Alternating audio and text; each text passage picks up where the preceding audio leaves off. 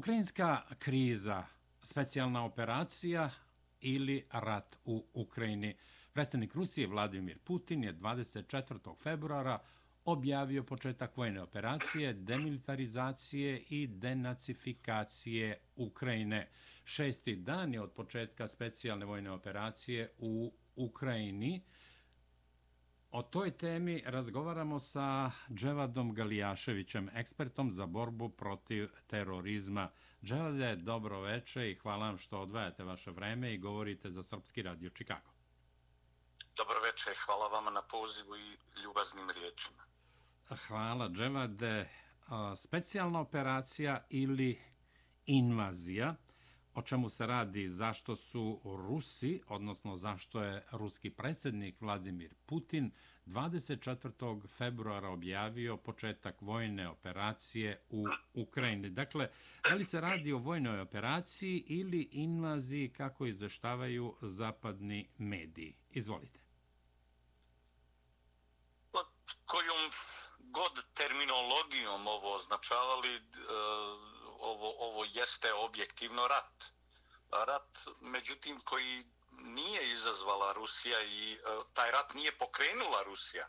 Dakle, rat je tamo trajao praktično od, od 90-ih godina. E, rat je trajao kroz razne forme nezakonitog ostvarivanja uticaja koji se tamo dešavao od 2004. i 2005. kada je e, predsjednik Januković Viktor Januković dobio pobjedu na izborima i tada je bila prva naranđasta revolucija. Deset godina poslije to se ponovilo i opet sa izabranim predsjednikom Viktorom Janukovićem kada su ga na Majdanu praktično 200.000 uh, učesnika protesta i snajperisti uh, po svim podacima iz Velike Britanije kada su pucali na masu i kada je praktično 200.000 ljudi smijenilo čovjeka koji je dobio 8,5 miliona glasova. E, dakle, od uvijek je Zapad htio da ima u svojoj orbiti e, Ukrajinu. Praktično Amerikanci i Englezi su tu imali više ciljeva, ne samo e, zagrljaj oko, oko Rusije. Kada vidimo raspored vojnih baza, NATO baza, mi ćemo vidjeti da je 80% NATO baza u stvari okrenuto prema Rusiji, tek desetak posto oko Kine i nešto nešto malo na, na drugim mjestima. Vidjet ćemo države koje se upotrebljavaju za pritisak na Rusiju. Dakle, nije u istoriji bilo događaja da jedna država koja je razorena ratom e, od režima iz drugih država koji su je razorili, koji su na njenom tlu provodili strašne genocide i holokaust, koji su ubijali njeno stanovništvo, i ono jevrejsko, i ono rusko. Dakle, nije se dogodilo da takva zemlja napusti bez ispaljenog metka poražene države. A to je Rusija uradila, odnosno kroz Sovjetski savez. Rusija je bez ispaljenog metka raspustila Varšavski pakt, smatrajući ga anahronim i nepotrebnim za dalju stabilnost svijeta. Rusija je bez ispaljenog metka raspustila Sovjetski savez i napustila Njemačku, dozvolila Njemačkoj da se ujedini. Dakle, iako je ta Njemačka politika bila i te kako u sjećanju i pamćenju dakle ruskih građana. E, to je, čini mi se da je to zaboravljeno. Evo vidite da ni Amerikanci ni Englezi nisu napustili ni Njemačku, ni Italiju, ni Japan, da su to okupirane zemlje i to upravo zbog onoga što se dešavalo u drugom svjetskom ratu. I u tom smislu vidim dakle sve ono što je i izgovorio predsjednik Rusije, kad je govorio o denacifikaciji i kad je govorio o dekomunizaciji. Zaista taj proces obračuna sa komunizmom, poraz jednog agresivnog ateizma, jednog modela vladanja e, ideološke isključivosti u kojoj sa jednog mjesta upravlja, dakle, to se nikada nije desilo. Dakle, to je mit. Dakle, postoji mit po kome se koji, koji nas uvjerava da je 90 da su 90. godine u stvari e, dovele do e, raspada i nestanka komunizma i da je to proizvelo raspade pojedinih složenih država, razdruživanje Češke i Slovačke, raspad Jugoslavije i raspad Sovjetskog savjeza. Dakle, to naravno nije tačno, jer komunizam tada nije nestao uopšte sa scene i uopšte nije poražen. E, na, na području Evrope mi smo mogli, odnosno bivšeg Sovjetskog saveza i, i njegovih satelita u istočnoj Evropi, mogli smo govoriti o nekih 300 miliona stanovnika, ali već u to vrijeme je Kina, koja je komunistička do dana današnjeg, imala milijardu i 300 miliona stanovnika. U to vrijeme, dakle, opstala je i Mongolija kao komunistička država, Sjeverna Koreja kao komunistička država i Kuba kao komunistička država. Umeđu vremenu neke druge države su e, se ovaj, komunizirale, da upotrebim e, termin predsjednika Rusije. Dakle, Venezuela je krenula tim putem, Kolumbija je krenula nekim tim putem, Nikaragva i tako dalje. Dakle, kad se sve vidi, komunizam nije bio čak poražen ni u Evropi. Dakle, one komunističke partije su samo promijenile nazive i svi komunistički vladari Dakle, opet su ostali na vlasti i u Bugarskoj, kada je smijenjen Teodor Živkov, njegova partija je ostala na vlasti i u Rumuniji kada je ubijen Nikolaja Čaušesku i njegova žena Elena, njegova partija je promijenila naziv i zadržala vlast preko Jona Ilijeskova. Dakle, isto je bilo i u Srbiji, isto je bilo u Hrvatskoj. Dakle, u Crnoj Gori je to trajalo do, do današnjih dana, traje dio te komunističke vlasti u kojoj je komunistička partija Crne Gore postala DPS, u kojoj u Bosni i Hercegovini je predsjednik Centralnog komiteta Saveza komunista Bosne i Hercegovine Nijaz Duraković postao, postao predsjednik SDP-a. SDP je postao Savez komunista i nastavio da vlada dakle sa Alijom Izetbegovićem tokom rata, a postoji povremeno preuzimajući i vlast, povremeno u koaliciji sa SDA.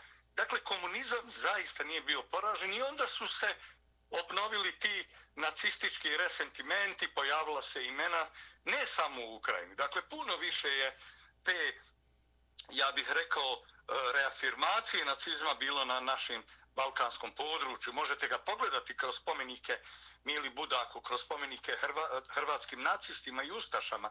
Možete ga pogledati u ulicama Bosne i Hercegovine, pogotovo onim u Sarajevu, koja je preko dvije stotine ulica, dakle, koji, koji nose imena nacista, od Mustafe Busulađića, Huseina Đoze, dakle, ljudi koji su bili praktično u Hanđar diviziji, 13. SS, nacističkoj diviziji sa visokim činovima, koje Busulađić je streljan poslije rata kao nacista i tako dalje.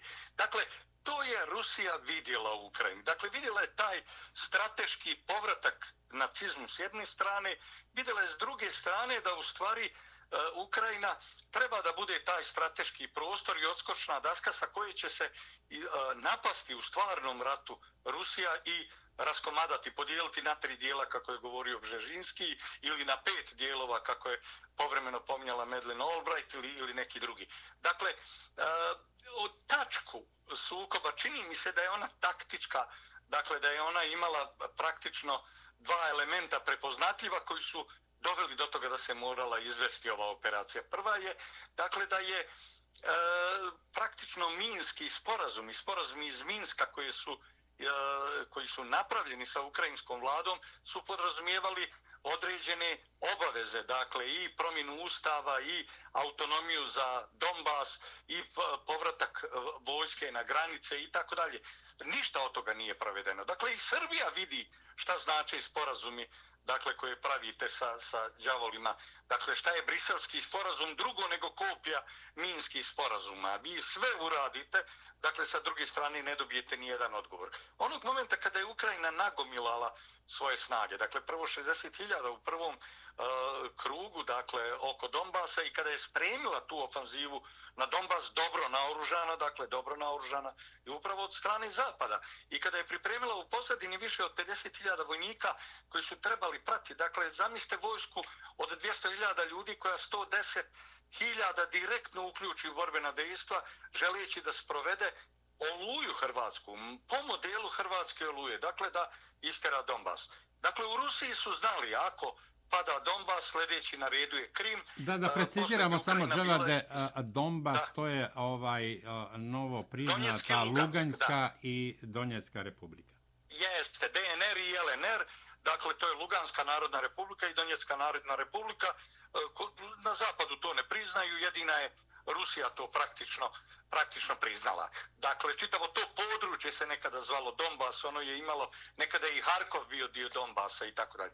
Dakle, kada, kada, se, kada je Rusija procijenila da su svi koraci napravljeni, dakle, i kada je još u oktobru Viktorija Nuland, dakle, u posjeti Rusiji stavila do znanja bukvalno planove Zapada, malte ne tražila kapitulaciju Rusije, dakle, a onda na Minhenskoj konferenciji prije mjesec dana, kada je Volodimir Zelenski, predsjednik Ukrajine, dakle i glumac, eh, počeo E, i javno obznanio da će odustati od nuklearnog sporazuma, da će Ukrajina ponovo biti nuklearna sila, da imaju resurse, da imaju e, stručnost, da imaju stručni kadar, da imaju materijali da će imati volju. Nikoga nije demantovo. Dakle, Rusija je morala sve to uzeti u obzir. Napad na, na e, Donjecki Lugansk podrazumijevao je pripremu za napad na Krim. Napad na Krim značio je napad na cijelu Rusiju. On se ne bi desio odmah, dakle, poslije čišćenja Donjecka i Luganska, DNR-a i LNR-a. Dakle, nared bi naravno došao, došao Krim za dvije, tri godine, ali tada bi Ukrajina već imala elemente određenog, određenih nuklearnih sposobnosti i možda čak uprto svemu bila primljena u NATO. Dakle, Rusija je pras, prosto znala da će imati rat. Dakle, kada bi ste znali da će vas za tri dana komšija napasti, da će vam za tri dana sigurno zapaliti kuću i pobiti djecu, šta biste uradili? Da li biste čekali ta tri dana ili biste reagovali odmah? Dakle, Rusija je reagovala odmah. Možemo to zvati kako hoćemo. Ja lično mislim dakle, da, da je ovaj e, rat, a ovo jeste naravno rat, e, Rusija e, to imenuje kao specijalnu operaciju. Dakle, ovo jeste i specijalna operacija u kojoj ona štiti vitalne nacionalne interese upravo zbog svih ovih procjena koje se vide i iz Bosne. Dakle, ako mi iz Bosne vidimo neke elemente, a ne vidimo uh, sve uh, operativne probleme koji se dešavaju, ne vidimo svu stratešku dubinu problema u odnosima i u planovima NATO-a prema Rusiji. Dakle, i ne vidimo šta se to sve na taktičkom, dnevno-političkom i vojno-političkom planu dešavalo. Dakle, ali vidimo dakle da je rat bio neizbježan. Vidimo da je, da je plan bio dakle da se da se e, Rusija i izoluje i da se i napadne. Naravno, e, Amerikanci i Englezi su ostvarili svoj cilj, mislim na, ne, ne mislim na američki narod, mislim na e, State Department, mislim na aktualnu vlast, mislim na vojno, taj industrijski kompleks takozvani duboke države ili, ili kako god ga nazvali. Oni su uspjeli odvojiti dakle, e, praktično Evropsku uniju od Rusije, to jeste osnovni strateški cilj, kao što je pandemija imala cilj iscrpljivanje evropske ekonomije, dakle, tako je i sve ovo imalo cilj dakle, odvojiti Rusiju od, od Evropske unije, učiniti je manje zavisnom. Sada, ako se osvrnete na ranije događaje u vrijeme kada je e, predsjednik Rusije Vladimir Putin bio rado viđen gost u Sjedinjenim američkim državama i bio na farmi kod Bušovih, obilazio njihove porodične kuće, ni tada Amerikanci nisu dozvoljavali da se gradi južni tok. Ni tada nisu željeli energetsko i naftno jačanje Rusije. I tada su poduzimali dakle, sve mjere i ispriječili praktično južni tok koji je u nekoj pet puta manjoj varijanti napravljen kroz turski tok, ali su ga Amerikanci uporno dakle, sprečavali što govori o objektivnim namjerama koje se nisu promijenile. Dakle, namjere nisu bile ni 90-ih, ni posle da se sa Rusijom uspostavi prioritetna saradnja, da se zajedno uređuju osnovni principi međunarodne bezvidnosti, dakle, nego da se ide dalje, da se završi, dakle, sa e, istočnom Evropom, da se ona integriše, da se konvertuje. Istočna Evropa je konvertitska, dakle, vidite vi tu i oko kursa vjerskog, političkog, dakle vidite da, da iz nikada sa tog područja, pa čak ni sa područja okupirane Njemačke, nećete čuti kritike zbog američkih bombardovanja po Južnoj Americi, zbog napada dakle, na, na južnoameričke države ubijstva pojedinih predsjednika koja su stalno trajala. Dakle, nećete vidjeti nijedan prigovor u zaštiti integriteta i teritorijalnog suvereniteta Sirije. 400.000 mrtvi. Amerikanci su i sinoć bombardovali e, određene sirijska mjesta, sirijski narod. Dakle, nećete vidjeti kritiku zbog ubijstva Abdullaha Saleha i bombardovanja Jemena. I sinoć je američka vazduh, američko vazduhoplovstvo bombardovalo Jemen. Dakle, nećete sada bombardovati zbog Huta, ali uh, ubijstvo Abdullaha Saleha, ujedinitelja dva Jemena. Dakle, e, njegovo masakriranje bukvalno. Zatim ubistvo Gaddafija i bombardovanje Gaddafija. Činjenica da tamo Francuzi i Turci bukvalno pljačkaju Libiju, kradu libijsku naftu i da nemoćni Egipat traži pomoć i od Rusije u svemu tome. I da su se čak Francuzi i Turci posvađali oko nafte koju kradu i otimaju, pljačkaju od jednog libijskog naroda. Dakle, sve je to Zapad radio nepoštujući standarde koje je prividno nametao ostatku svijeta. Dakle, nema državnog suvereniteta za države koje nisu sposobne da se brane.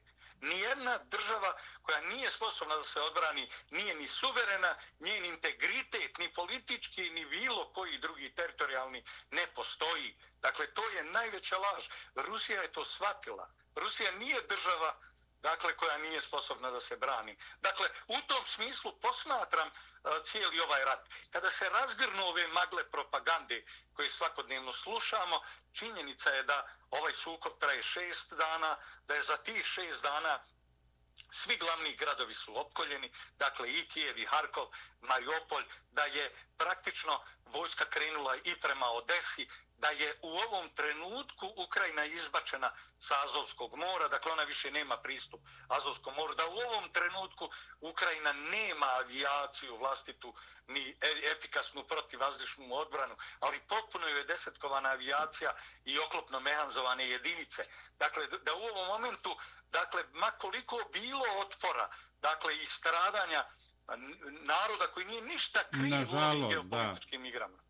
Dakle, Dakle, u svemu ovome, u svemu ovome ja vidim da se stanje na ratištu mijenja i da, da se ono odvija po ruskim planovima i da će prije ili kasnije ta propaganda biti smiješna kada budete morali saopštiti da je Rusija u stvari, uh, u, u stvari cijelu Ukrajinu zauzela, da je ukrajinska vojska kapitulirala i da je rat završen i da se mora raditi na izgradnji mira.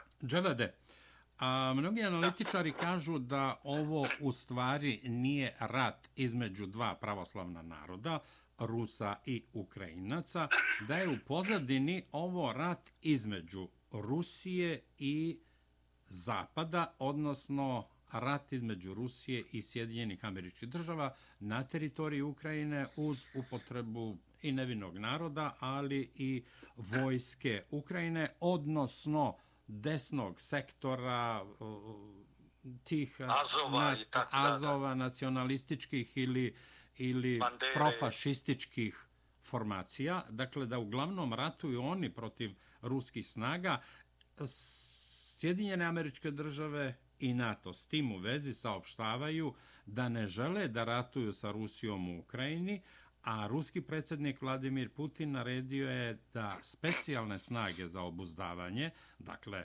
nuklearno oružje, takozvana trijada, pređu u specijalni režim borbenog dežurstva. Kako to komentarišete? Pa to je, ja bih rekao da je to isprovocirano bilo izjavom britanske ministrice odbrane. Pogledajte evropske ministre odbrane pogledajte malo Njemačku, zavirite malo po Danskoj, pogledajte te funkcionere Evropske unije. Dakle, vidjet ćete da su to uh, androidi, da su to dakle, likovi koji su iz, iz kompjuterskih igrica izvedeni da upravljaju državom. Šta je drugo uh, uh, Volodimir Zelenski? Pogledajte, dakle, on je simpatičan mladi čovjek. Glumac komičar glumac komičar. koji je izvodio lascivne komedije, vrlo brutalne, Odvratne. dakle i bezobrazne. Dakle, ali pogledajte, on nije, kako on može biti vrhovni komadant oružanih snaga, kako on može uopšte razumijeti državu. Ta potreba, dakle, Sjedini američke država da kontrolše situaciju preko slabih lidera u Evropi, dakle, u stvari se obila o glavu kada, kada jedna žena iz Velike Britanije koja nema nikakvog vojnog iskustva izjavi nešto što Rusija može ozbiljno doživjeti kao prijetnju napadom NATO pakta, e, Putin je reagovao upravo onako što je logično. Dakle, želite nam zaprijetiti, želite napraviti e, e, sukob NATO-a i Rusije, stavljamo nuklearni, nuklearnu trijadu, dakle u stanju pripravnosti. To je posebno opasno jer je u stvari Rusija razvila taj poseban sistem e, sinhronizacije između vazduha, mora, dakle i kopna. I, i podmorske snage njene nose nuklearne bojeve glave. I vazduhoplovi nose nuklearne bojeve glave. I na zemlji se stacioniraju nuklearne bojeve glave. I to su nazvali nuklearnom trijadom. E, svi sposobni prenosnici nuklearnih bojevi glava, bilo da govorimo o podmornicama ili da govorimo o avionima ili da govorimo o nekim posebnim stacionarnim lanserima nuklearnih projektila, dalekometnih raketa, balističkih raketa, daljeg, duljeg dometa i tako dalje, Iskandera ili, ili bilo koje druge rakete ruske koja može nositi, oni su sinhronizovani. Dakle, to je Zapad propustio da uradi. Ako pogledamo e, jednu raketu koja je trebala biti raketa srednjeg dometa, poznati kalibar MK, e, iz Kaspijskog jezera je Rusija gađala ciljeve u Siriji. Tom raketom ispostavlja se da i ta visoko precizna raketa srednjeg dometa može da nosi nuklearne bojeve glave. Dakle, sve to e, dovodi nas u takvu situaciju da mi se čini da je ova najava i pripravnost u stvari samo mjera odvraćanja i da su posle toga uslijedile drugačije izjave. Amerika je e, ozbiljno shvatila kuda to vodi. Biden je to predsjednik rekao, dakle mi ne namjeravamo ratovati, mi nećemo ratovati. Da, i saočio je da ne postoji opasnost, oprostite Džavade, da, da ne postoji opasnost ne. od uh, nuklearnog sukoba i da Amerikanci ne treba da brinu. Tako je, tako je, direktno je odgovorio ne ne postoji ne, od toga nema ništa. Dakle, dakle kada, kada se sve to pogleda, onda možemo shvatiti da, da ste tačno rekli u, u uvodnom, u samom postavljanju pitanja ko u stvari ratuje tamo. Dakle, ratuje e, objektivno NATO pakt, ali ne onaj evropsko krilo, jer je evropsko krilo, mislim na onu Evropsku uniju, u stvari nebitno. To je tek 15% NATO pakta. Dakle, stvarni NATO pakt, jezgro NATO pakta, ključ je naravno u Sjedinjenim američkim državama. Uz nju su Velika Britanija, Australija i Kanada. I to su ključ, kada dodate na ovaj ključ Tursku pješadiju, koja u ovom trenutku i nije voljna ratovati za ciljeve NATO-a, dakle onda vidite kakva je tu situacija. Naravno, e, svi smo poraženi u ovom ratu. Dakle, ja mislim da će Rusija u taktičkom smislu naravno biti e, vrlo brzo pobjednik i okončati taj rat u Ukrajini. Ali svi smo poraženi. Dakle, s jedne strane, e, bratoubilački rat između dva pravoslavna hrišćanska naroda, čija istorija duboko prepletena, e, dakle, čiji su, e, čija je etnogeneza jedna, čiji je prostor jedan. Kijev je ruski grad, on ima rusko ime. Dakle, jasno je da je da sve to... To je stvorena Rusija, takozvana Kijevska Rusija.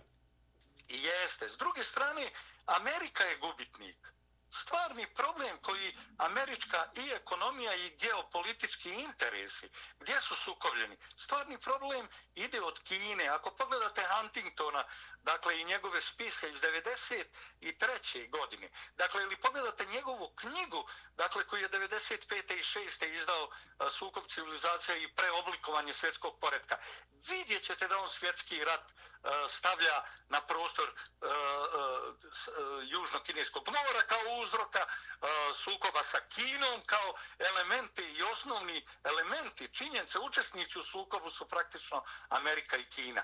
Dakle, vidjet ćete da čak on određuje i datum kada će doći do svjetskog rata, on kaže 2010. godine. Ali vi ste tada imali Baracka Obamu koji je okrenuo pažnju od Kine, koji je pogurao američke privrednike u Kinu da otvaraju tamo fabrike, a istovremeno zapalio Bliski istok. Uništio islamske zemlje, uništio sekularne, nazovite ih meke diktature, zovite, možemo ih zvati mi koji ne razumijemo stepen društvenog i kulturnog razvoja Tako tih je. naroda i stepen adekvatnog političkog sistema. Dakle, mi to ne razumijemo. Mi mislimo da svi mogu primijeniti američke standarde bez obzira ka, kak, kroz kakav istorijski proces ti narodi prošli i na kom nivou je njihova kulturna, identitetska ili civilizacijska svijest. Dakle, nametanje sigurno nije bilo adekvatno, ali Obama je spalio Bliski istok. On je uništio, dakle, do uništio Irak.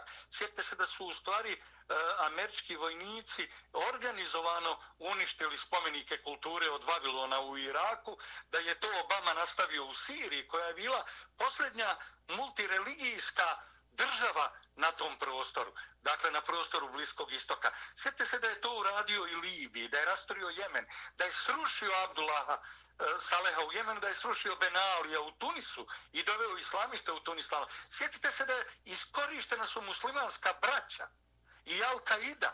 Formirana je nova teroristička organizacija ISIL, islamska država, da bi srušili i Egipat, da bi Mubaraka smijenili i doveli Mursija na čelo, da bi posle palili zemlje Magreba, dakle stari bliski istok, takozvani, u Africi, na, na severu Afrike. Dakle, sve kada to pogledamo, vidimo da je Amerika tada, ratujući po Bliskom istoku sa Obamom, izgubila taj korak koji je Huntington očekivao da će biti i da je 2010. davno prošla, a nije bilo svjetskog rata. Međutim, američki nosači aviona, mnogi američki brodovi, najveći dijelovi američke mornarice, danas su koncentrisani oko Kine, dakle i oko Južno-Kineskog mora i oko Tajvana.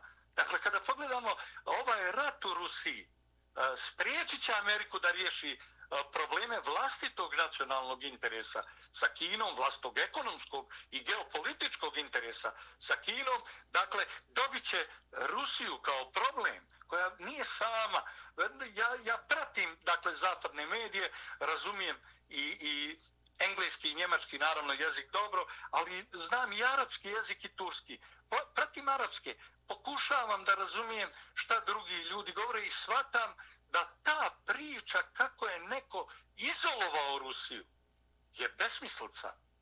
Zapad se odvojio od Rusije. Zapad, ono što zovemo Zapad.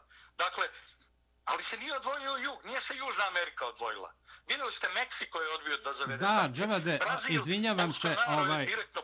Da, izvinjavam da. se, upravo sam hteo da, da, da vas pitam i da prokomentarišete. Dakle, Kina, Iran, Brazil, Meksiko, Venezuela, Ujedinjeni Arapski Emirati smatraju da Rusija ima pravo da obezbedi nacionalnu sigurnost i intervencijom u Ukrajini.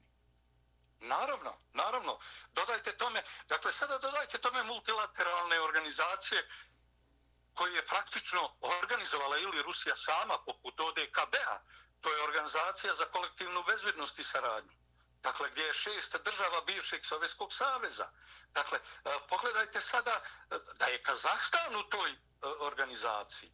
Dakle, i Armenija, i Bjelorusija, i Kirgistan kao najbrojnija praktično država u postsovjetskoj eri, dakle, osim, naravno, Rusije i Ukrajine. Dakle, sljedeća po brojnosti stanovnika. Dakle, onda dodajte tome šangajsku organizaciju za međunarodnu saradnju koju su Kina i Rusija zajedno napravile, a tu su i Indija, tu je Pakistan, tu je posmatrač Iran, tu su e, gotovo mnoge zemlje ODKB-a. Dakle, i onda dodajte na to BRICS. Brazil, Rusiju, Indiju, Kinu i Južnu Južnoafričku republiku. Dakle, sve te zemlje podržavaju i naravno Kubu na sve to. I dodajte mnoge druge zemlje poput Sirije koja je spremna da prizna uh, E, ovaj Donjecku narodnu republiku i Lugansku narodnu republiku. Dodaj, dodajte tome i druge zemlje, dodajte uzdržanost Egipta i podršku koja će sigurno doći. Jer ovaj stav koji su izrekli, koji je Mohamed bin Zayed izrekao je u stvari stav i Egipta. E, to, to je prioritetni partner Egipta u arapskom svijetu. Dakle, sve kad to pogledamo, dakle, ako neko misli izolovati Rusiju, a ostaviti je da ekonomski sarađuje, sa Kinom, sa Indijom, sa Iranom, sa Turskom, sa Brazilom, sa eh, Pakistanom, sa raznim drugim državama, dakle Indonezijom, Egiptom i tako dalje. Pa to je onda besmislica. Dakle, Zapad je povukao čvrstu liniju razgrančenja između sebe i Rusije, to najviše šteti Evropskoj uniji, to naravno šteti i Rusiji. Međutim, Rusija je odavno se preorijentisala i sklopila te dugoročne ugovore, dakle i energetske i svake druge ekonomske sa zemljama Azije. Oni su i rekli mi se orijentišemo sada tamo ako Zapad hoće da zatvori taj put. Ne. I stavremeno Zapad licemirno šuti o sjevernom toku jedan, da dan danas ide gas. Zapad ne zavodi sankcije u toj sferi, e u sferi vojne saradnje, pojedinih elemenata, metala, e, e, onoga što Rusija izvodi u Sjedinje američke države. U dakle, svemirskim dakle, programima zajedno su astronauti na ovoj međunarodnoj stanici gore, američki i ruski. Da, i sada, sada kad pogledamo, dakle, jasno je, jasno je da je e, u suštini e, Amerika mislila da će to ići lakše, da će Ukrajina izvršiti taj vojni zadatak okupacije Donbasa i da će se time stvoriti novi uslovi i jedna vremenska pauza od nekoliko godina koji bi značili pripremu Ukrajinaca za napad na Krim, a s druge strane eh, američke vojske i britanske da riješe pitanje kineskih problema i odnosa sa Kinom. Ne ide to tako. Dakle, ne ide to ni na ratištu. Stanje na ratištu je eh, nesumnjivo iznenađujuće. Ja vjerujem da tjeluje zastrašujuće u evropskim centrima.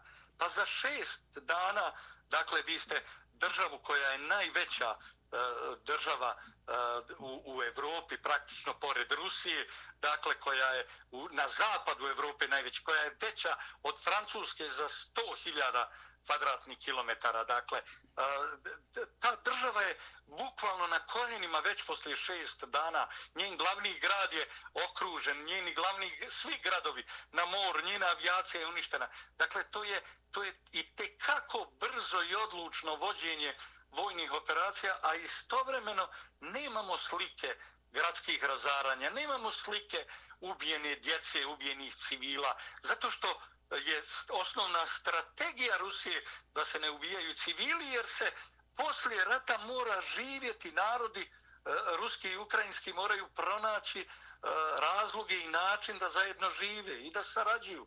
Uz velike, kada bi se desili veliki zločini, to bi bilo nemoguće.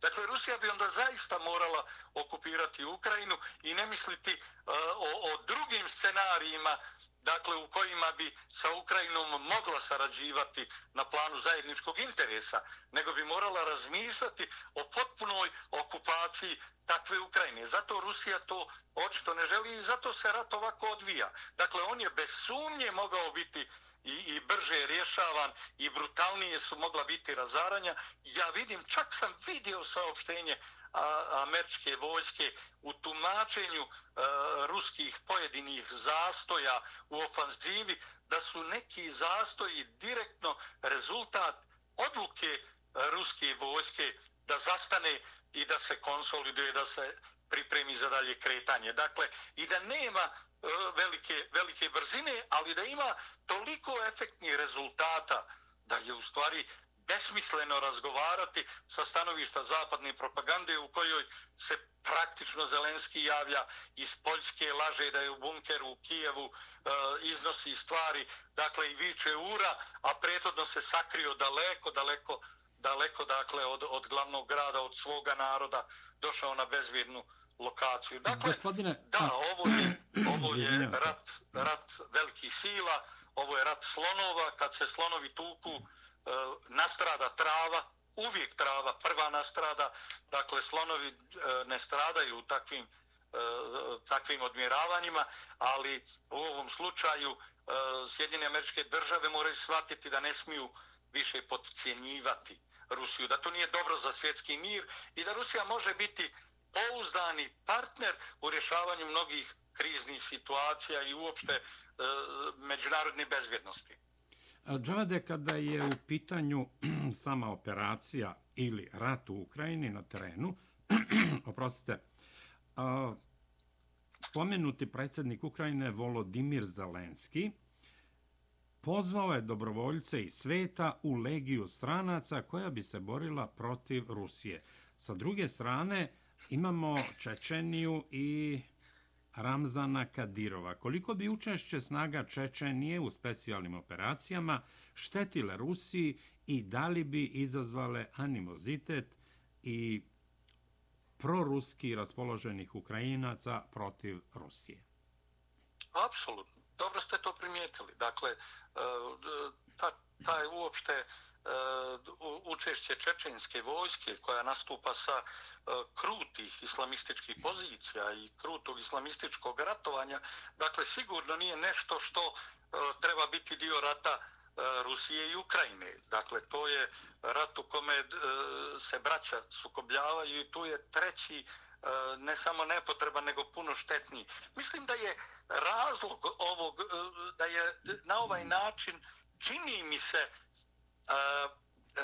ruska politika htjela da pošalje poruku da, da ima čime da parira dolasku upravo ovom e, što ste pomenuli, dakle, Legiji stranaca, ali i informacijama koje je objavio prvi Sergej Nariškin prije desetak dana, dakle, šef e, vanjske obaveštene službe je objavio da se i na Balkanu regrutuju radikalni islamisti i usmjeravaju prema Ukrajini da bi bili faktor učešća u ratu. On je čak tada ukazao da je potencijal mobilnih e, islamista sa područja Balkana, a prije svega iz Bosne i Hercegovine, Albanije i sa Kosova, dakle da je on do desetak hiljada ljudi E, koji, koji su mobilni i koji su tu svoju mobilnost potvrdili i na ratištu Afganistana, pogotovo u ratu u Siriji. Dakle, Sirija je 5000 km daleko, a tamo su e, tamo je iz samo Bosne i Hercegovine otišlo e, preko 500 ljudi. Tamo je sa Kosova otišlo 300 ljudi. Tamo je iz Albanije išlo. Dakle, u ovom slučaju taj sistem je narastao jer nije bio sankcionisan zato što je išao ratovati i ubijati na području druge zemlje. Dakle, u tom smislu, dakle, kada je Sergej Lavrov ponovio ovu ocjenu e, šefa vanjsko-obavještenih službe, gospodina Nariškina, dakle, Tada su reagovali u Sarajevu i Željko Komšić i Bisera Turković i Šefik Džatarović govoreći da to nije istina. Umeđu vremenu je došla argumentacija da je to istina. Odjednom se pojavili i hrvatski nacisti. Jedan šef Bad Blue Boysa se pojavio i javio sa ukrajinskog ratišta. Dakle, i stavio je uz bataljon Azov, uz radikalne nacističke formacije u Ukrajini stavio je hrvatsku zastavu. Dakle, mislim da je Remzan Kadirov E, i, i Čečeni da su trebali s jedne strane da djeluju na muslimane, da, da je barem ratovanje na tom području uh, upitno, jer evo i neki muslimani će ratovati na strani Putina i to uh, muslimani čiji, se, čiji je islam nesumnjiv. Uh, dakle, i to je s jedne strane ocjena, s druge strane da se pošalje poruka i, i uh, islamistima, dakle, da se pošalje poruka i vladama, da se pošalje poruka da će da ovdje stvar može biti i brutalnija i gora. Ja i dalje mislim da je to dakle nepotrebno da je ruska vojska disciplinovana u izvršavanju svojih zadataka da joj te nekakve eksperimentalne formacije bazirane na krutim ideološkim načelima, religijskom e, osnovu ili nekom drugom nisu potrebne u jednom bratovo-ubilačkom dakle ratu u ratu u kome braća ne mogu da se dogovore o vlastitoj bezbjednosti. Ono što je meni strašno, dakle, jeste da e, i, i za Rusiju i za Ukrajinu ovaj sukob je biti ili ne biti. I za Rusiju i za Ukrajinu. Dakle, e, posle ovoga, e, jedna od ovih zemalja nikada više neće biti ista, jedna od ovih zemalja više nikada neće biti e, suverena, cjelovita i tako dalje. I mislim da tu činjenicu u Rusiji odlično znaju. Dakle, da je ovo pitanje opstanka, da je taj rat isprovociran dakle, od strane i pronacističkih struktura. Vidite, vrlo često se pominje da je pominje se kao, ma nisu oni nacisti, znate, to je i Zelenski je jevri. To je besmislica. Dakle, je. Zelenski jeste Aškenaz, jeste Aškenaz, ali neki Aškenazi poput Eichmana i Rosenberga koji je e, bio nosilac... Bili su od Adolfa Hitlera. Pa da, bili su nosioci. Dakle, ne, bi, ne bih ulazio tako daleko, to je uvredljivo uopšte za bilo kakvu ozbiljniju debatu. Ali hoću reći da su e, tamo uh, revitalizo, oživjeli, povampirili se mnogi nacistički simboli, mnoge nacističke ulice, mnoga, uh, mnogi elementi... Spomenici Stepanu Banderi. Da, da, i to je, e, spomenik Jozefu Gebelsu u Lavivu ili Lavovu. Dakle, e, to su besmislice. Dakle, dakle u, u cijeloj ovoj jednačini, da, mislim da je e, Kadirov sa Čečenima višak, da je nepotreban, da bez obzira na, na bilo kakve druge snage e, e, mobilne islamističke timove Al-Kaide ili Isila, čak čini mi se da je Nariškin detaljno i objasnio principe prebacivanja tih grupa koja koriste jednu organizaciju tursku e, humanitarnu organizaciju koju kontroliše njihova vojna obavještajna E, E, služba Military Intelligence Turki, dakle MIT, e, to je IHH organizacija, Insan Hak Vel Hurjet, mada formalno njihov, ako, ako pogledate logo na njihovom portalu, na njihovoj zvaničnoj stranici, vidjet ćete da oni, oni tamo pišu Insani Jardim Vakfi, ali drže oznaku IHH, dan danas drže tu oznaku Insan Hatvel Hurjeta. Dakle, Izrael je tu organizaciju proglasio za terorističku. Izrael je presretao često brodove eh, uh, IHH koji su nosili na oružanje za Hamas, dakle, putem mora ili prevozili određenu vrstu vojne pomoći za e, palestinske pobunjenike. E, Njemačka je tu organizaciju proglasila za terorističku organizaciju, a njen glavni pokrovitelj je supruga Erdoganova Emina. Dakle, imate dakle, nekog ko otvara njihove e, godišnje skupštine i tako dalje. Sve nam to govori, dakle, ovo Narištinovo objašnjenje e, koje je bilo škrto u objašnjavanju šta je IHH u ovom sistemu, dakle, kako ona radi, zašto je to instrument vojno-obavještajne politike e, same turske države, mislim da je bila poruka Turskoj. Dakle, ali je poruka i to da odlično znaju kako se prebacuju radikalni islamisti, da oni dolaze u Ukrajinu preko Turske. Dakle, i to je, to je naravno otvorilo e, određene poruke, poslalo određene jasne poruke. Mislim da je e, upravo Kadiro vrlo često korišten da oštrije poruke Erdoganu, upravo on e, pošalje i da je na ovaj način uvođenjem njega u cijelu ovu priču u stvari e, i Erdoganu i Turskoj poslana određena poruka i sa Kavkaza i tako dalje. Ali i dalje, dakle, i dalje mislim da Čečeni nisu e, neš, neko, ni, ta struktura ne treba da bude u tom ratu.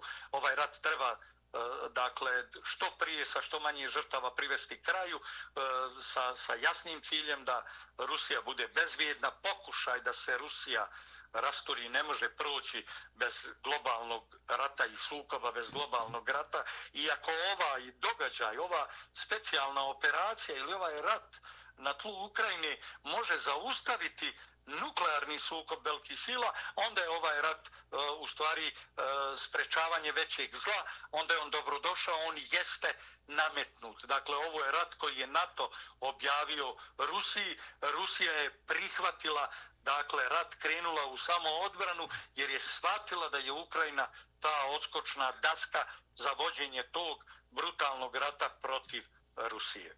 Da, Džavede, s obzirom na, na, na ono što ste konstatovali da će posljedica a, ovog sukoba rata, specijalne intervencije, biti nestanak u ovoj formi jedne od dve države, siguran sam da Rusija će ostati onakva kakva jeste, ali da neće postojati Ukrajina kao što je postojala do ovog sukoba, jer Mark Episkopos, politički analitičar iz Sjedinjenih američkih država, saopštava da Washington svakako nije spreman ni na kakav sukob sa Rusijom i nada se da će se dogovoriti rasparčavanje Rusije. Naime. Ukrajine, da. Ukrajine, pardon. Američki da, da, veliki da, da, plan da, da. za rasparčavanje Zapadna i istočna, da, da. Ukrajine podrazumeva da. prepakivanje Ukrajine na zapadnu Ukrajinu koja bi bila protektorat Evropske unije, odnosno Sjedinjenih američkih država, i na istočnu, centralnu i južnu Ukrajinu koja bi se pridružila Rusiji.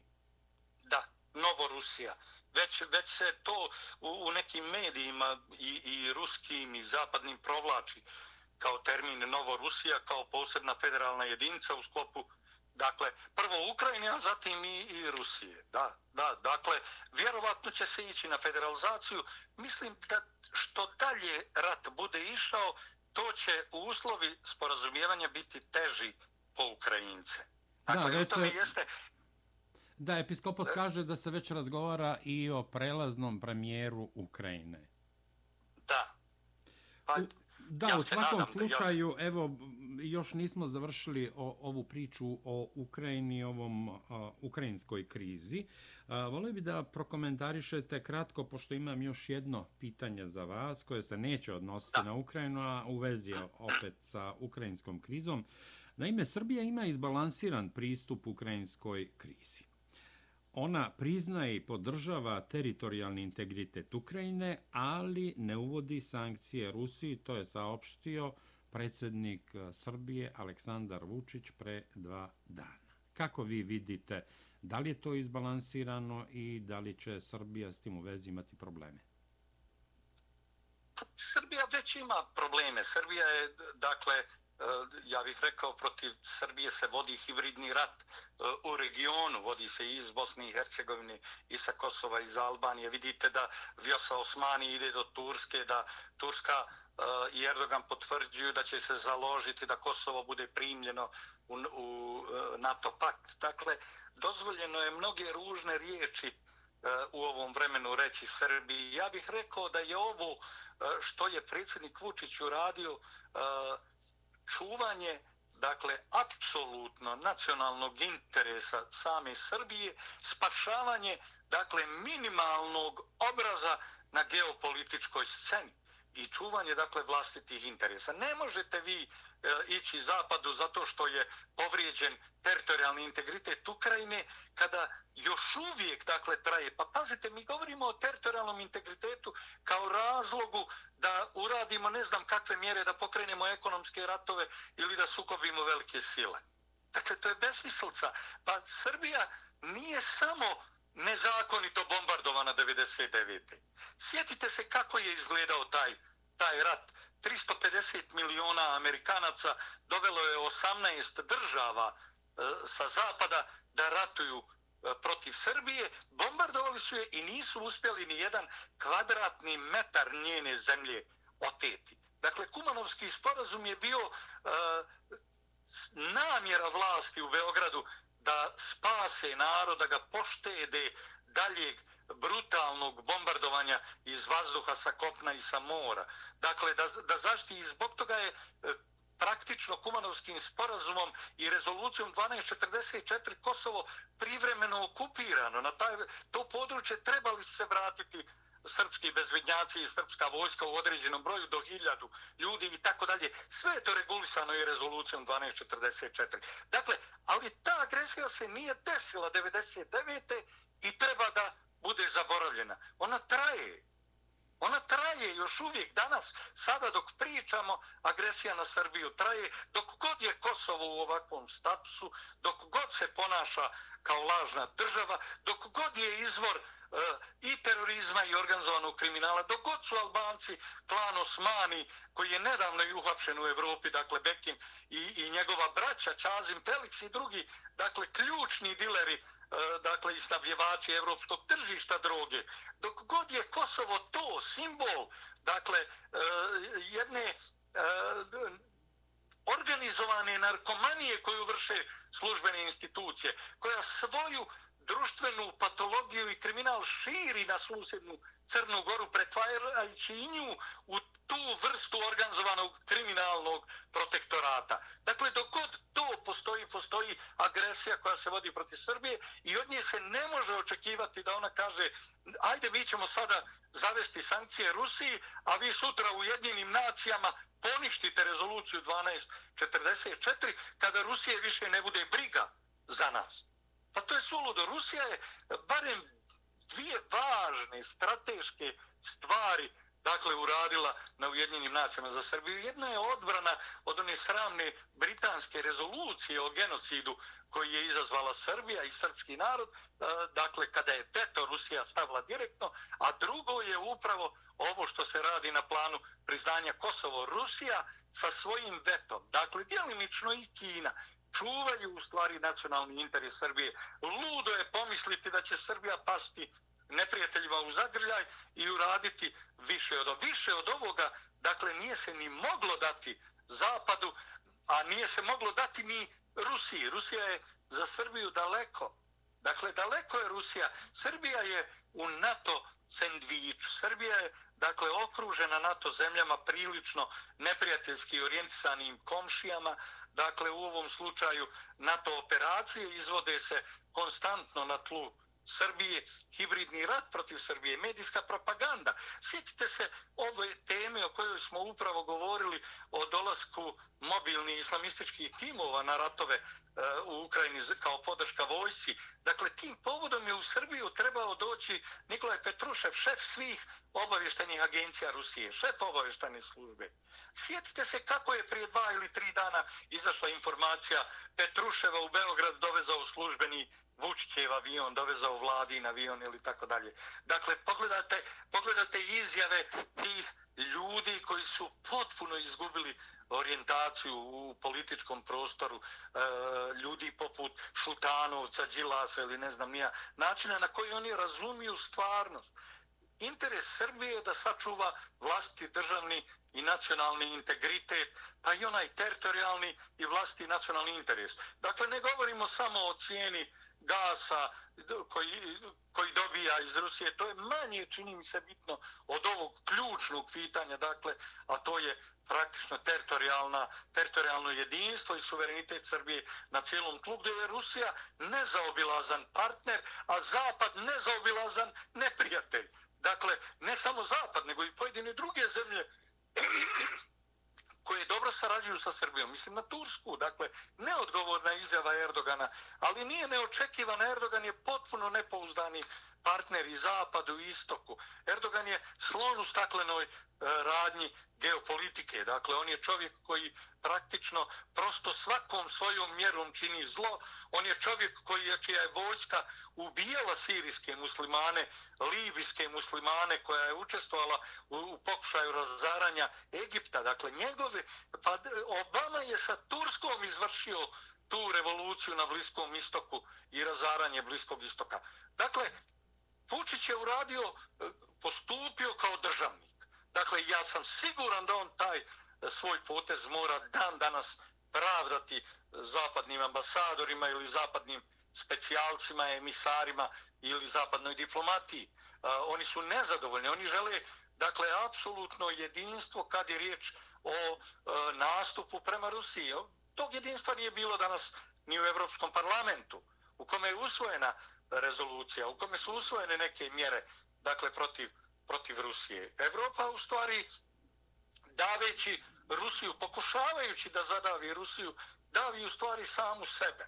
Dakle, i to je, mislim da je predsjednik Vučić uradio potez koji, e, koji je bio odmjeren, koji je bio državnički racionalan i na liniji vlastog nacionalnog interesa. U tom smislu gledamo na izjavu ruskog ambasadora, dakle, koja je bila isto tako odmjerena i korektna on je, on je rekao, ruski ambasador u Beogradu je rekao, ne, ne, mi razumijemo poziciju Srbije i ne tražimo ništa.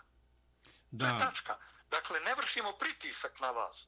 Ne insistiramo da, da nazivate ovo vojnom specijalnom operacijom. Ne insistiramo na toj retorici. Suštinski, važno je da e, Rusija odlično zna da, da, su, da je srpski narod 80% na strani Rusije u, u ovim odmiravanjima i da svaki političar koji misli i na svoj položaj u okviru tog naroda, pogotovo pred izbore, ne može na taj način okrenuti leđa Rusiji. Ne, ne na taj način. Dakle, naravno, ja mogu reći da je višak jedan dio koji je napisan u, u zaključcima, a to je onaj dio koji kaže Srbija u ovom trenutku neće zavoditi sankcije Rusiji. Dakle, to u ovom trenutku možda jeste višak, možda je i dobar mamac za zapadnu diplomatiju. Srbija u stvari ne treba nikada uvoditi sankcije Rusiji, e, nije uvela sankcije ni državama koje su je bombardovale avionima, koje su je rasturale, koje su uništile njenu e, infrastrukturu, njene puteve, njene elektrosisteme, njene telekomunikacijske sisteme, bombardovali televizije i obdaništa, porodilišta i tako dalje. Dakle, e, Vučić je to uradio dobro. On, on je čovjek koji nosi e, veliku odgovornost. Pitanje je kako bismo mi postupali u ovakvoj situaciji sa mjesta na kome živimo, da smo državnički odgovorni prema vlastnom narodu. Dakle, kada imate tu odgovornost, vi taj svoj lični stav morate prilagoditi u stvari nacionalnom interesu, interesu svoga naroda, svoje države, bez obzira koliko vam taj stav službeni odstupao od vaših ličnih uvjerenja. U tom smislu ovo je dakle nešto što apsolutno razumijem kao dobro, kao jedan snažan državnički nastup predsjednika Vučića. Dakle, dobre poruke je poslao e, tumačeći ove zaključke, e, pokazao je dobru volju da ostane dakle taj most između istoka i zapada e, koliko god im trebao ili ne trebao dakle Srbija je u tom smislu dakle najbolji primjer da da Eh, u stvari može se balansirati između tih eh, različitih sukobljenih eh, pa i civilizacijskih i političkih koncepcija. Gospodine Galijaševiću, ne bih da, da komentarišemo ili komentarišete slugerenski odnos prema zapadu, Crne Gore, Severne Makedonije, Hrvatske, Slovenije. Dobro, oni su članovi Evropske unije, NATO pakta, da. ali to je toliko ovaj ponižavajuće da ne vredi ni komentara. Crna, je, da. da, Crna Gora uvodi neke nove sankcije, pridružuje se novim sankcijama, bolje reći Evropske unije, zabranjuje a, preletanje svoje teritorije ruskim avionima, isto tako Makedonija. Dakle, što kažu u Crnoj Gori, sprdnja od država koje nisu Crna samostalne, nego su protektorate. To nije država. Dakle, Đukanović je od Crne Gore napravio razvojničko gnjezdo čiji bruto dohodak zavisi od šverca cigareta. Nažalost, šverca, a crnogorski i narodi na, i Srbi i crnogorci časni, dobri, moćni ljudi, međutim, evo ovo što kažete, neću da vam protivrečim, upravo je tako. I Đukanović je najveći problem u Crnoj Gori. On jeste problem, on je, on je, on je, des, on je živa simbol destrukcije, simbol zavađanja dakle Srba i Crnogoraca po istom ovom modelu Rusi, Ukrajinci, Srbi, Crnogorci. Dakle, bez obzira na etničko porijeklo, čak je etnička blizina, eh, etnička eh, jedinstvenost srpskog i crnogorskog naroda očigledna, neosporna i kroz jezik, i kroz jednu crkvu, i kroz dakle, pismo i identitet ukupni. Dakle, i uspjeti to posvađati uspjeti to konfrontirati.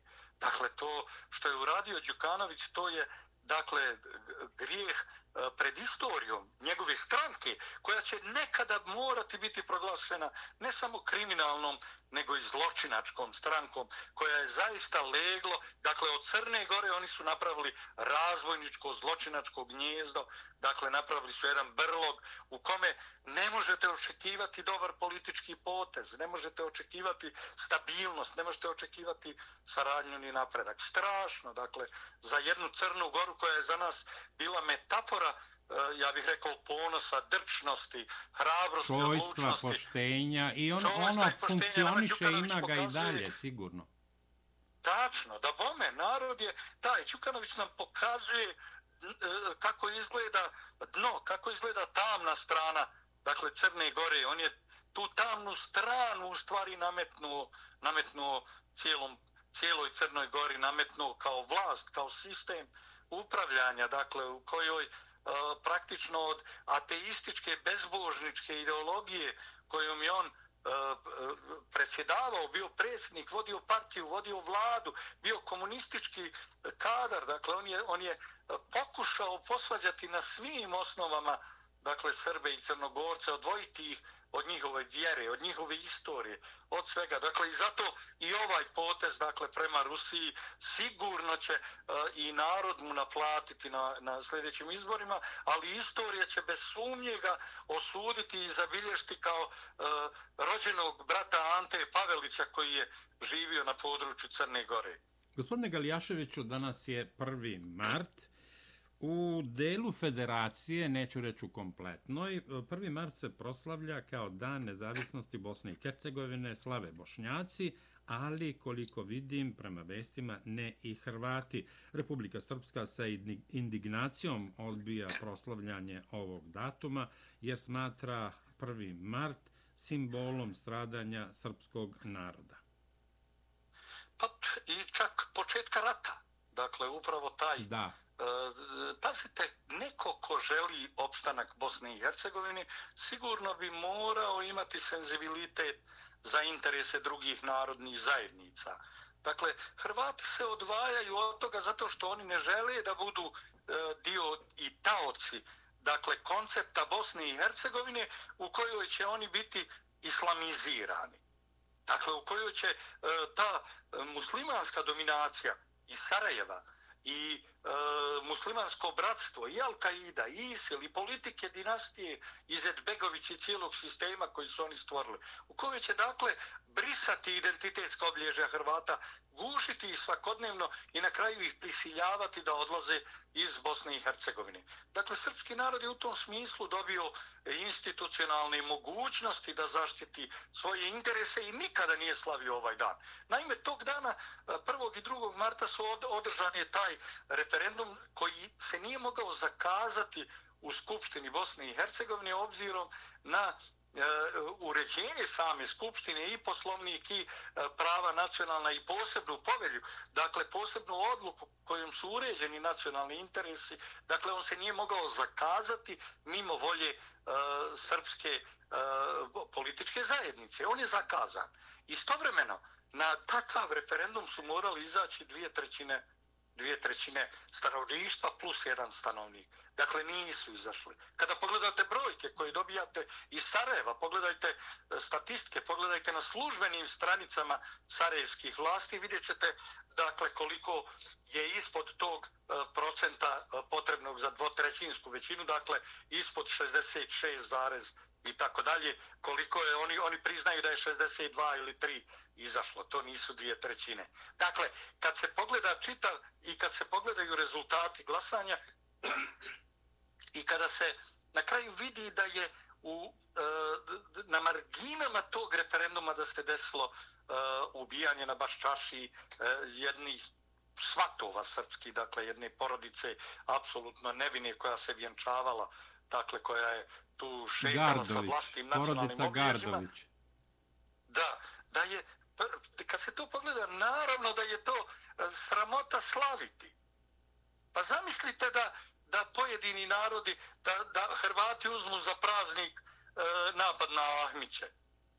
Zamislite da Srbi uzmu za praznik e, Dan Srebrenice. I kažu, to ćemo mi slaviti.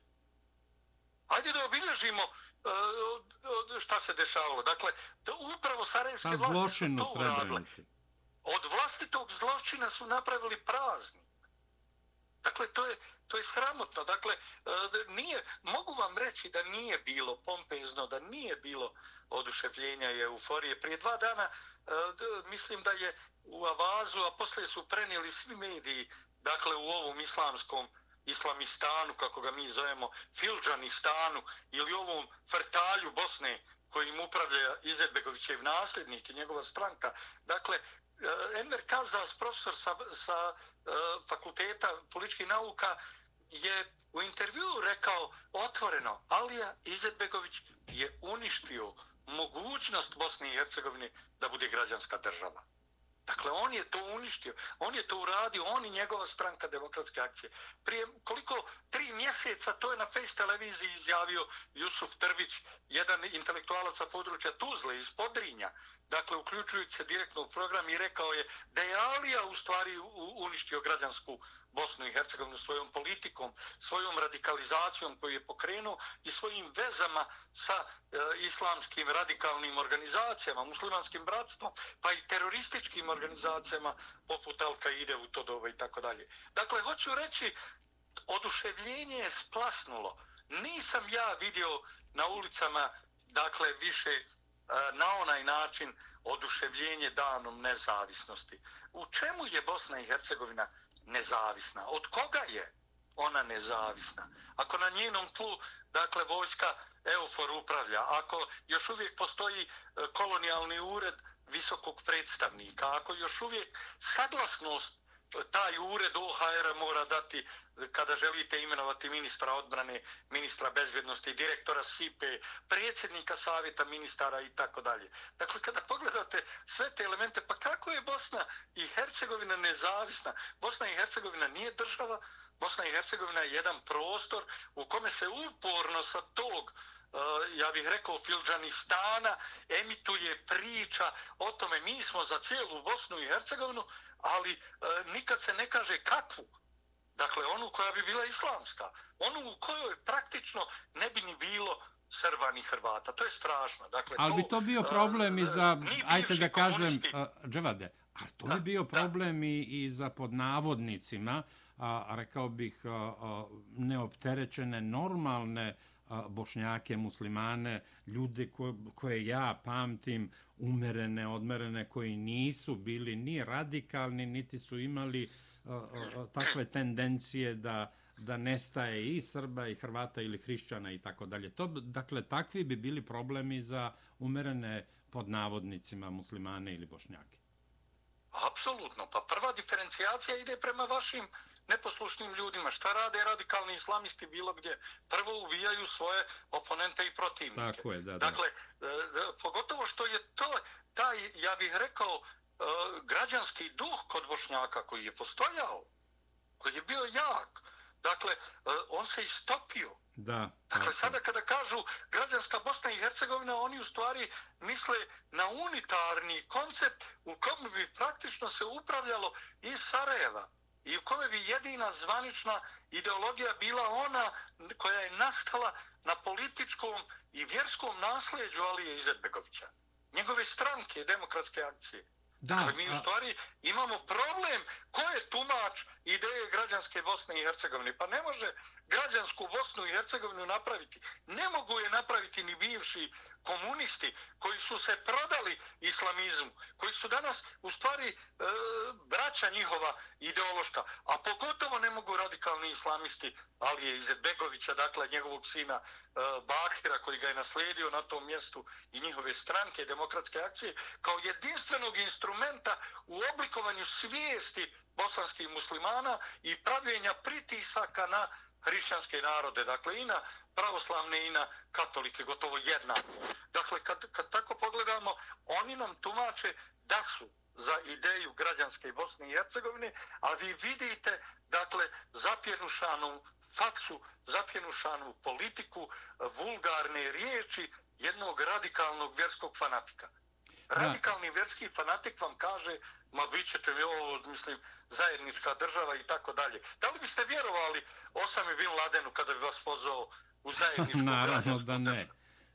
A to je besmislce. Dakle, upravo to se dešava sa Sarajevom.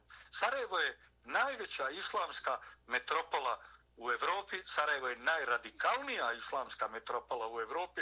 Naravno, ne računam Istanbul koji je podijeljen između istoka i zapada kao evroazijski grad. Ali ovo u srcu Evrope, dakle imate jedno, jedno, eh, jednu eh, kasabu pretvorenu u islamistan, jednu kasabu koja je toliko eh, ideološki, medijski, logistički i finansijski jaka da prvo može osvojiti i, i prevjeriti vlastiti narod, uvjeriti ga da, da su naši pradjedovi upražnjavali loš islam, da su oni slavi vjernici bili, da oni nisu čuvali zrno e, islama kao religije koja treba da živi zajedno, dakle u, u miru e, sa, sa drugim e, religijama na ovom prostoru. Dakle, oni nas sada uvjeravaju da je to bilo loše i da ovaj novi islam koji nam oni donose je izlaz za Bosnu i Hercegovinu i da je on građanski. Nigdje muslimani, muslimani dakle, ne samo radikalni muslimani, nigdje muslimani nisu napravili građansku državu, nigdje. Dakle, niti, niti može se vjerovati u kakve gluposti. Dakle, sarajevski, bosanski muslimani trebaju da se dogovore sa Srbima i sa Hrvatima u Bosni i Hercegovini o principima zajedničkog života. Mislim da je zadnji trenutak da se ti razgovori povedu. Mislim da e, zajednički život više nemoguće je uređivati e, pojačanim snagama EUFORA, pojačanim prisustvom NATO e, vojnika, dakle, u Sarajevu ili obavještajnih službi sa zapada koji ovdje trebaju da obezbijede mir i stabilnost. Dakle, mislim da narodi, da, da bosanski muslimani, konačno bošnjaci, kako god sebe svatali bosancima, bošnjacima, muslimanima, dakle da trebaju konačno izaći iz te, uh, iz te uh, kože uh, radikala političkih, bez obzira da li su prokomunistički ili proislamski, dakle, okrenuti se svojim komšijama i pokušati naći zajedničku riječ, pokušati zajednički izgrađivati ovu malu državicu sa vrlo malo stanovnika, dakle, a sa puno nesreće. Znate, čuo sam uh, jednog uh, hođu, dakle, hođu, E, velikog vjernika, e, rekao bih i dobrog, e, dobrog predavača, čovjeka koji razumije ono o čemu priča. I on mi kaže, Bože dragi, pa tebe, kaže, ne znam da li je strašnije što vjerujem u tebe, a vidim toliko nesreće, vidim toliko nepravde. Pa je li moguće da postojiš i da puštaš da se ovoliko nepravde dešava i u svijetu i među nama? Dakle, muslimani moraju se vratiti e, e, ljudstvu. Dakle, moraju biti ljudi. Prvo, oni nisu ovdje stvoreni da bi bili uh, vojnici radikalnih političkih ideja i da bi bili terminatori drugačijeg i mišljenja, drugačijeg stava, drugačijeg kulturnog i vjerskog identiteta. Dakle, kada bosanski muslimani odreknu se e, Izetbegovićevog nasljeđa, zbace stranku demokratske akcije i prepoznaju komuniste kao ključne poturice naše političke nesreće. Dakle, poturice ne mislim e, u, u nekom posebnom peorativnom smislu, mislim u, u smislu jadnika koji se prilagođavaju velikim, koji služe velikim, koji su spremni za veliku silu učiniti sve, pa i promijeniti svoje ime, svoje prezime, svoje, svoj identitet, svoju religiju i tako dalje. Dakle, kada, kada konačno ti, ti ljudi siđu sa, sa e, vlasti i kada narod prepozna koliko su oni štetni po budućnost, bu, dakle, ove zemlje po budućnost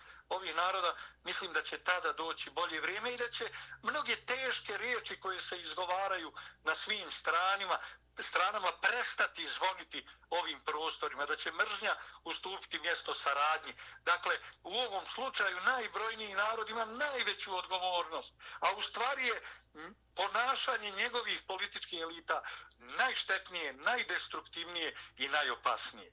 Gospodine Galijaševiću, evo i na samom kraju je da zamolio da, da prepričate a, našim slušalcima ono što ste meni rekli. Naime, a, kako ako sam dobro u stvari upamtio, Abdullah Sidran, koji je bio scenarista čuvenog filma Emira Kusturice Otac na službenom putu, napisao je jednu pesmu, rekli ste, u doba kad je bio normalan. Pa o čemu se radi? Da. Meni je bilo vrlo interesantno. Izvolite. Hoću reći da postoji pjesma koja je toliko poučna bosanskim muslimanima, kao da je napisana juče, kao da je napisana danas, kao pouka. Dakle, pjesma se zove Dernek u Sarajevu s jeseni 1769. godine. Dakle, e, pjesma je dio Sarajevske zbirke Abdullah Sidrana koja je izašla negdje 79. I upravo nisam bez razloga rekao u doba kada je bio normalan. Dakle, on danas govori takve gluposti koji bi se stari Avdo Sidran mu ne pripadaju, koji su u stvari to je njegov, to je njegov otac? Veličanstvene poetske izraze. Dakle, u ovoj pjesmi on upravo govori o odlasku Bošnjaka na ratište u carsku Rusiju. Za Osmansko carstvo. Dakle, Bošnjaci idu da ratuju za Osmansko carstvo i dolaze na Hoćin. Ta bitka na Hoćinu je značajna jer je 12.000 Bošnjaka tamo izginulo. Vrlo malo ih se vratilo. On pjeva o odlasku na ratište u Čaršiji, u Sarajevu. I govori o tome kako su odlazili, a kaže bilo je među njima i ljudi skupljenih iz koca i konopca. I otišli su, kaže, e, e, da, da Rusu napadnu Moskvu i da im pokažu gdje im... Nije prošlo nekoliko dana, dođoše nam sa ratišta lijepe vijesti. Naši prodiru, napadaju, došli su pred Moskvu, ma super pobjede i vlast nam namigni da slavimo. I mi izađo smo na ulice, dođoše i mađioničari, ljudi sa onom pticom, noj, dođoše, kaže, a kako smo slavili, pili, mezili, dernečili, dernečili, kaže, tri dana se slavilo dok ne dođe vijest, prava vijest sa fronta, a to je da su Rusi razbili osmansku vojsku i da su krenuli i kaže daj Bože ako ne zamrzne crno more, eto njih u Stambolu. Dakle, tada vlast kreće i hapsi ove koji su slavili, strahujući od toga šta će biti kada dođu kada dođu Rusi. Dakle, i upravo to na kraju pjesme Sidrani govori, ne zovite nas više pod neke zastave, kako nam je onaj dernek prisjeo onaj u Sarajevu kad smo slavili pobjede nad Rusima, dosta nam je svega, dakle mi više ne idemo ni u kakve rovove i ni pod kakve zastave. Pjesma je vrlo poučna, dakle pogotovo što ima te elemente istorijskih, istorijske tragedije bosanskih muslimana koji su četiri vijeka ginuli za, za velika carstva. Ginuli su poslije i za Austro-Ugarsku u Prvom svjetskom ratu protiv srpske braće.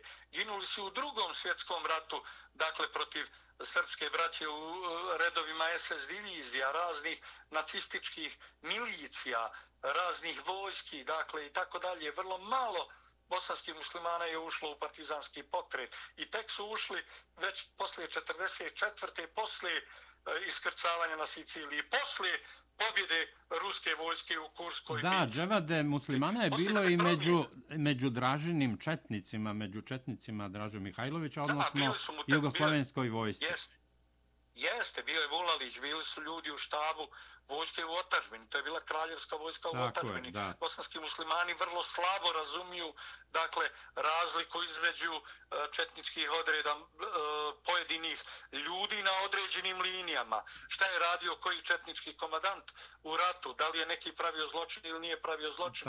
I onda su cijelom jednom pokretu koji je u Prvom svjetskom ratu imao izuzetnu ulogu, dakle, oslobodilačku. Dakle, oni su pripisali samo negativne negativne elemente. Dakle, u tom smislu i mislim da je ova pjesma Abdullah Sidra na Derneku Sarajevu, dakle, toliko poučna, e, obzirom da su lideri stranke demokratske akcije iz Sarajeva istrčali na liniju fronta da, da osude Rusiju, da govore ružno, da se upliću u to ili da šalju islamiste dakle, na ukrajinsko ratište da pomažu uh, Ukrajini. Dakle, u stvari postoji ta veza između uh, E, pojedinih ukrajinskih elemenata i bosanskih muslimana, to je nacistička veza. Dakle, potomci 13. SS divizije, jednako kao potomci Bandere, našli su se ponovo na istom antiruskom frontu, gdje će proći kao i uvijek. Dakle, e, što su prolazili, gdje će proći, dakle, kao oni u Sidranovoj pjesmi, dakle, osmanski vojnici. Da, Dževad, evo i na kraju molimo se svako na svoj način e, da što pre dođe do mira u Ukrajini, da bude što manje žrtava i da se molimo da u Bosni zavlada mir. Evo, nema rata, ali sve ponekad miriše na rat. Dakle, da možemo u nekom od narednih javljanja da kažemo mirna je Bosna. Pa to ste lijepo rekli. Ja e, sam siguran da ne postoji nikakva namjera ni od strane Srbije ni Republike Srpske da se destabilizuje situacija ili da se izazove rat. E, naravno da imam određene strahove prema potrebi pojedinih zapadnih zemalja da posle teškog poraza koji njihova politika dobija e, na ukrajinskom frontu, dakle da bi mogli krenuti u brutalne E, obračune upravo sa srpskim narodom ponovo kako bi dokazivali neku svoju moć koja je objektivno na zalasku, ali koja je dovoljna da nas sankcioniše i kako bi nas gurali i odgađali taj trenutak zajedničkog dogovora, taj trenutak sporazumijevanja. Govorim da moramo biti oprezni, da moramo izbjegavati e, provokacije i da duboko vjerujem dakle da E, Srbi, bosanski muslimani i Hrvati dakle jednog etničkog korijena na jednom etničkom stablu trebaju samo malo uraditi da se približe i da nastave zajednički graditi svoju državu e, upravo sa svim svojim elementima identiteta i vjerskog i kulturnog i jezičkog i pisanog i usmenog i tako dalje.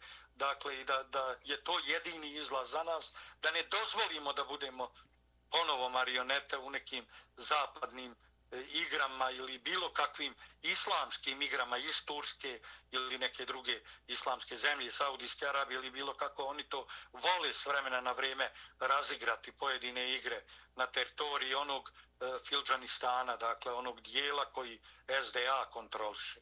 Gospodine Galijaševiću, hvala vam što ste odvojili vaše vreme i govorili za Srpski radio Čikago. Hvala vam na pozivu. Poštovani slušalci i naši pratioci YouTube kanala, gost Srpskog radija Čikago danas je bio Dževad Galijašević, ekspert za borbu protiv terorizma.